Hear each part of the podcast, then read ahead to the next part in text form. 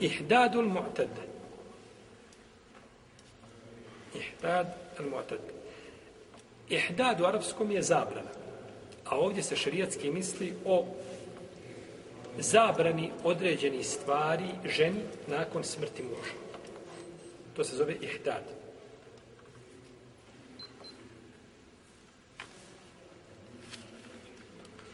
Žena je dužna ihdad, ovaj, ne znam kako bi ga prevelo naš jezik. To je vid žalosti. Vid žalosti, znači zabrana ima, pa žena određene stvari, znači ne čini zbog čega. Znači zbog te žalosti, pa ne čini, zabranje su određene stvari, jedan vremenski, znači, period. Iako e, žalost ne bi mogla, kao termin, ne, bi mogao ovdje doći. Možda treba naći adekvatan termin, ja sada ne mogu, ovaj, ne, ne mogu se nešto ovaj, sjetiti nečega što je bilo adekvatno, u svakom slučaju možemo to možda u narednom predanju vidjeti. A, ženi je obaveza, dužnost da nakon smrti muža, znači da se a, da se da boravi u svojoj u kući svoga supruga kod jednog, jednog dijela učenjaka, ako drugi može boraviti gdje želi. I dužnost je, znači, obaveza da ne koristi određene stvari, znači, mislim ovdje konkretno na uljepšavanje. Znači, neće, neće koristiti znači, nešto što čime će se uljepšavati, ne znam, poput surme, poput ruža, pudari, masti, što danas žene koriste i slično tome, sve to ulazi, znači, u isti propis zbog riječi poslanika, sallallahu alaihi wa sallame, a nije dozvoljeno ženi koja vjeruje u Allaha i u sudnji dan, da se izbjegava ove stvari, znači, ova uljepšavanja, hajmo prevesti opet da žali, a nekoga duže od tri dana, osim ako se radi o suprugu, četiri dana, onda su četiri mjeseca i deset dana. Dobro. Čovjek ima suprugu kršćanku. Oženio kršćanku. Jer muslimanu je dozvoljeno da oženi šta? Kršćanku. Ako pređe na islam, on dozvoljeno da oženiš sve jednu ženu na zemlji, budistkinje ako pređe na islam. Pređe na islam i oženi Ne, kršćanka ostaje na svojoj vjeri.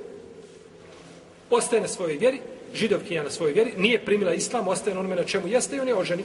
To je šarijatski mu dozvoljeno iako je upustio se u avanturu, Allah zna kako će izaći iz te avanture. Allah zna kakav će ti konačno biti. Dovoljno ti je to što žena koja, koja ti rađa djecu, kaže tvome djetetu, sine, Muhammed je napisao Kur'an, on ga izmislio. Sine, Muhammed nije poslanik, to ti je dovoljno musibeta i nedaće. Ali sa širijetskog aspekta je dozvoljeno? I nikad o tome niko nije raspravlja. To nije nikad bio predmet rasprave među učinjacima da dozove muslimanu da oženi kitabi, židovkinju ili kršćan. Dobro. Oženio čovjek kršćan i umro. I nakon toga, da li je ona dužna da ispoštuje ovaj hidad? Ne može se ona mjeriti po šarijetu, tako? Dobro. Većina islamskih učenjaka mimo Hanefija kažu da žena mora ispoštovati ovaj period, iako bila kršćanka. Samo s Hanefije kazale suprotno. Rahimehumullah.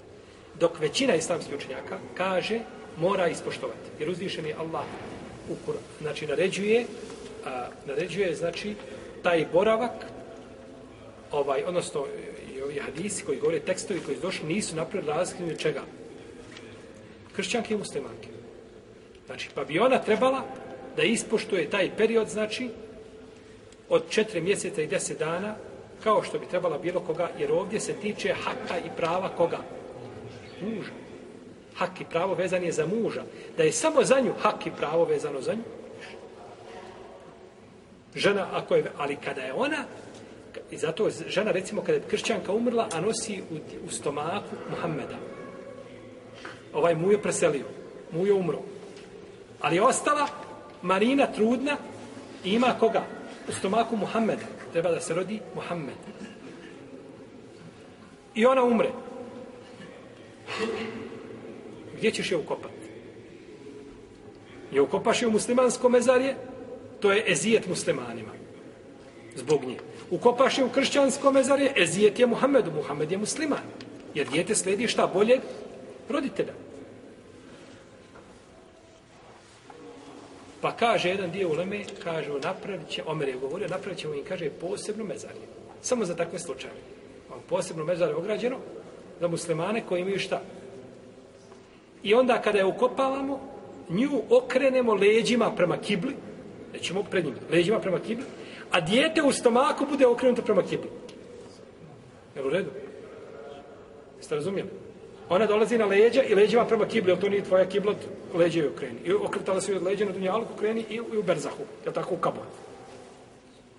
Ali dijete je u stomaku okrenuto na opačke, je tako?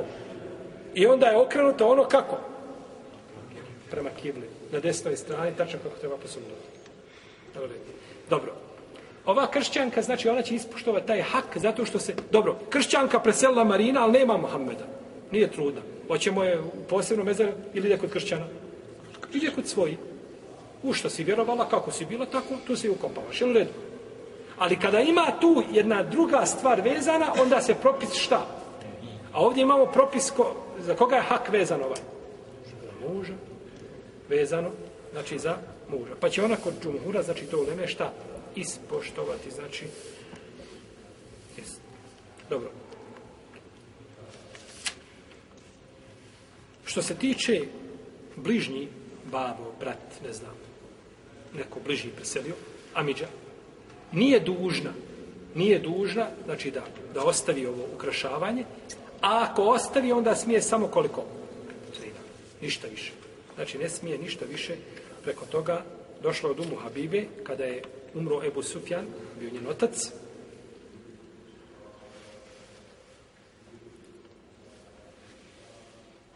Umu Habibe. Ko je Umu Habibe? Ha? Ko je Umu? Molim? Umu Habibe, čija ona žena bila? Molim? Majka vjernika. Umu Habibe. Ona je, ona je bila u džahili, ona je u džahilijetu usna da će sude za poslanika sa osobom. Ona je imala svoga, kada je bila s suprugom svojim, sanjala da je u krilo pao mjesec. I kada je došao njen muž, kazala mu tako. I muž odma za šamar i preko lica. A?